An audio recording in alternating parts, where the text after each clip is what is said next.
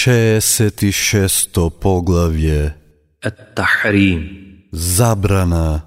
Објавено во Медина 12 ајети. Бисмиллахир Рахманир Во името на Аллах, смилосниот, милостивиот. О веровеснику, зошто си го забрануваш себе си тоа што Аллах ти го дозволил, сакајки го задоволството на своите сопруги, а Аллах многу простува и милостив е. Аллах ви пропиша како своите заклетви да си ги искупите. Аллах е вашиот господар, тој се знае и мудар е. Кога веровесникот на една од своите сопруги една тајна и довери, па таа ја издаде, а Аллах тоа нему му го откри, тој еден дел и беше кажал, а останатото го премолчел.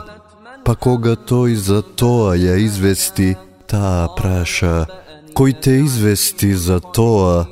Тој рече, ме извести се знајниот, кому ништо не му е скриено.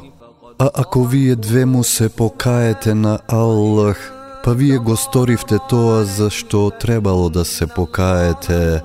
А ако се здружите против него, па Аллах е негов заштитник и Джибрил и честитите верници, на крај и сите мелеци ке му бидат на помош. Ако тој ве разведе, господарот негов наместо вас ке му даде подобри жени од вас, муслиманки, муминки, послушни на Аллах, покаянички кои се плашат од Аллах, кои постат вдовици и девојки.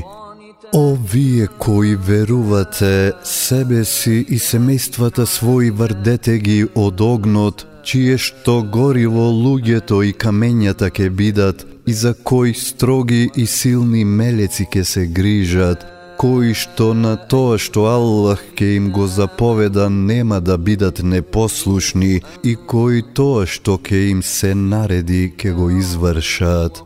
О вие кои не верувавте, денес не правдајте се, се казнувате само за тоа што го заслуживте.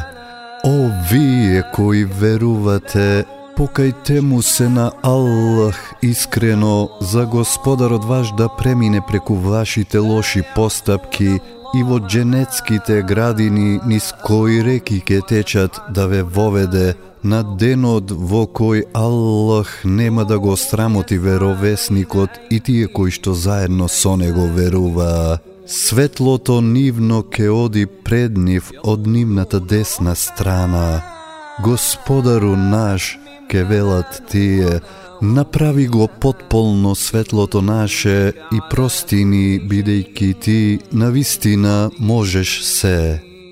О веровеснику, бори се против неверниците и лицемерите и биди строг спрема нив.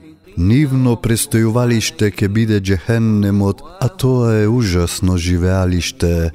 Аллах ги наведува како поука за тие што не веруваат жената на Нух и жената на Лут. Беа мажени за двајца наши честити робови, па ги измамија и тие двајца нема да можат кај Аллах да им помогнат и ке се каже Влезете вие две во огнот со тие што влегуваат.